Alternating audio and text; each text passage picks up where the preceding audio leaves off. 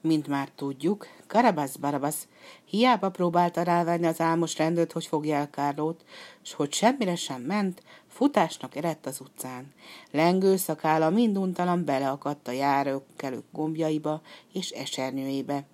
Karabasz Barabasz fogcsikorgatva törtetett előre. A gyerekek fülsüketítően fütyültek utána, és rohadt almákkal dobálták. Karabasz Barabasz berontott a városi kapitányhoz. Ebben a tikasztó hőségben a városkapitány a kertben, a szűkűkút mellett egy szál úszonadrágban hűsölt, és limonádét szürcsölt. Karabasz Barabasz térdre hullott előtte, szakállával széjjel kente könnyét, és elkezdett jajveszékelni. Ó, én szerencsétlen árva, megbántottak, kifosztottak, összevertek. Ki bántott téged? Az árvát, kérdezte a városatya, nagyokat szuszogva. A legádázabb ellenségem, Kárló, a vén kintornás. Ellopta tőlem három legjobb bábomat, fel akarja gyújtani nagyszerű színházamat. Hogy szavainak nagyobb nyomatékot adjon, kivett egy marék aranyat, és beletette a városkapitány cipőjébe. A városkapitány megparancsolta a házfák alatt álló négy rendőrnek. Kövessétek a tiszteletre méltó árvát, és tegyetek meg minden szükséges intézkedést a törvény nevében. Elindultak Kárló papához, de az ajtó zárva volt. A kamrából egy hang sem hallatszott.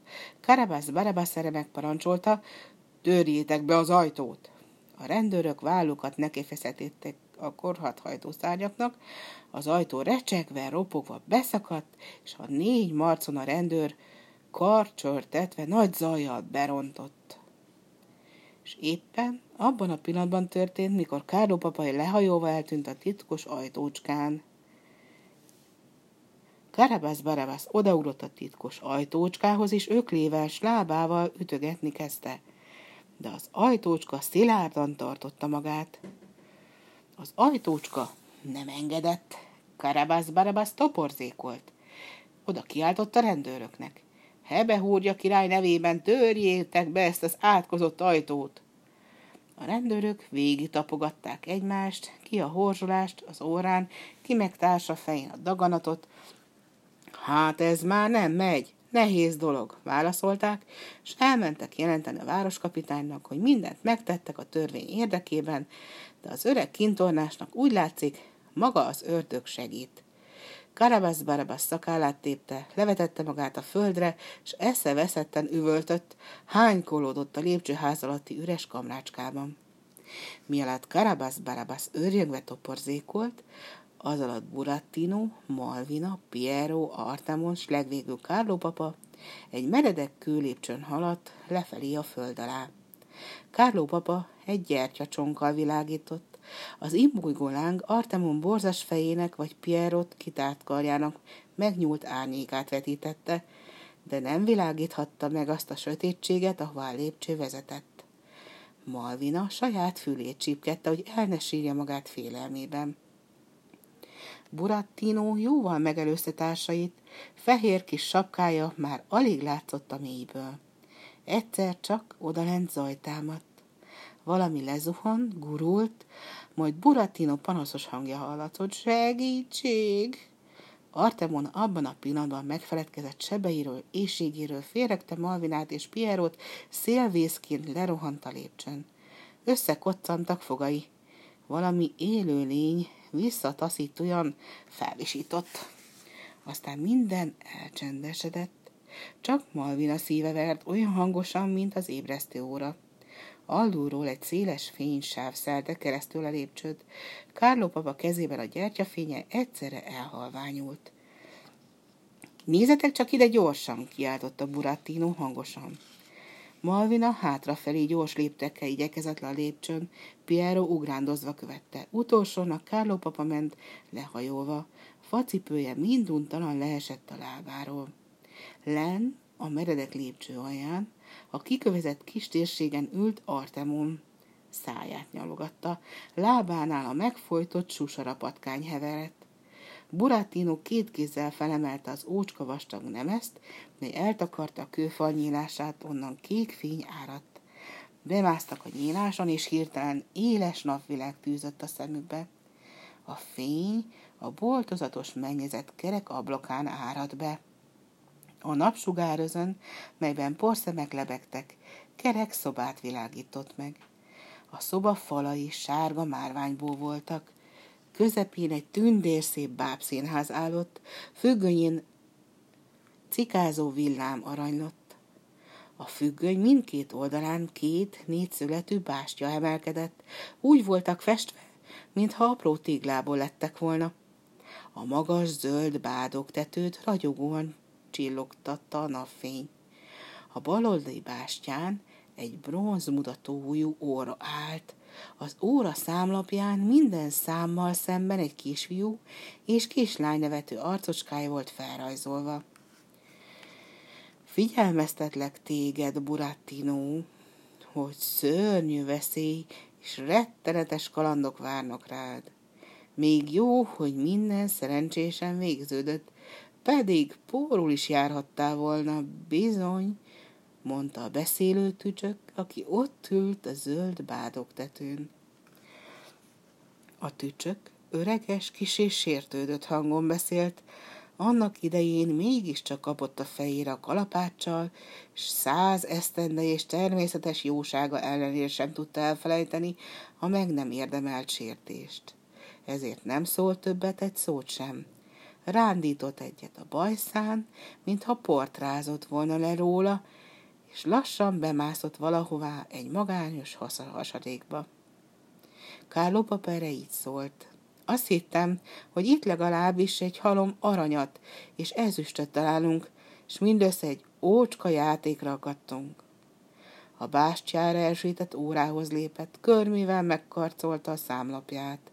Az óra mellett oldalt egy részszögecskén egy kis kulcsocska függött. Kárló papa leakasztotta a kulcsocskát, s felhúzta vele az órát. Az óra hangosan ketyegni kezdett. A mutatók megmozdultak. A nagy mutató a tizenkettőhöz ért, a kis mutató a hatoshoz.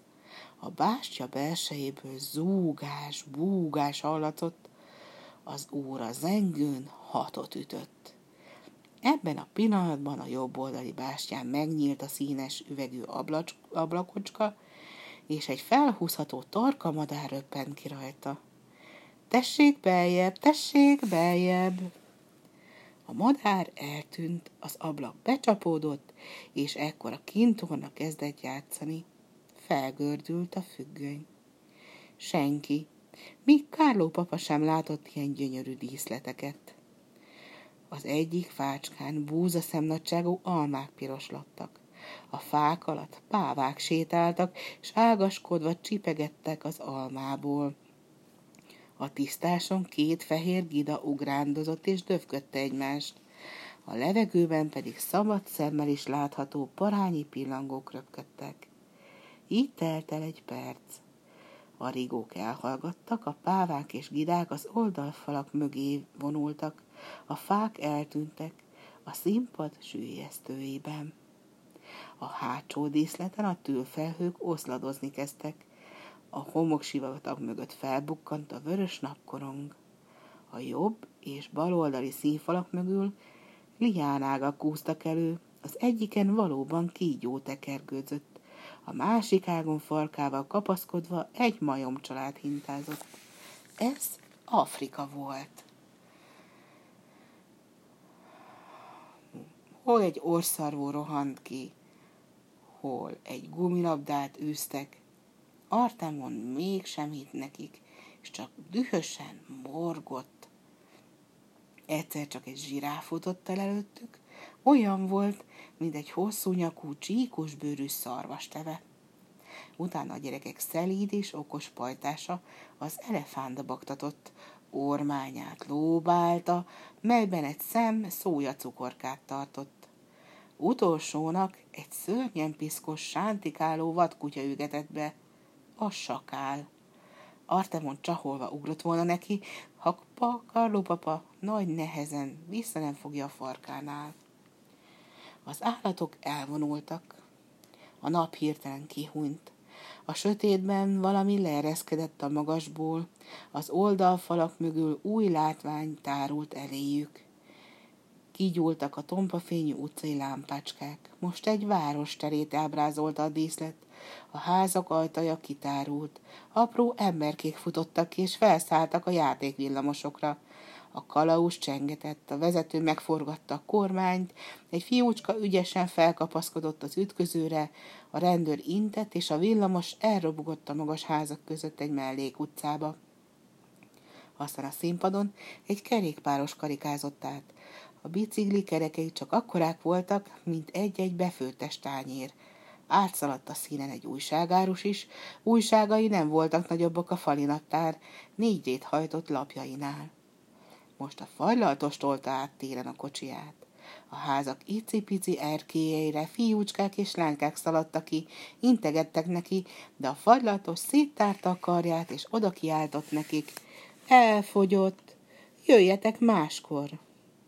Ezt legörült a függöny, és ismét megcsillant rajta a trikázó aranyvillám.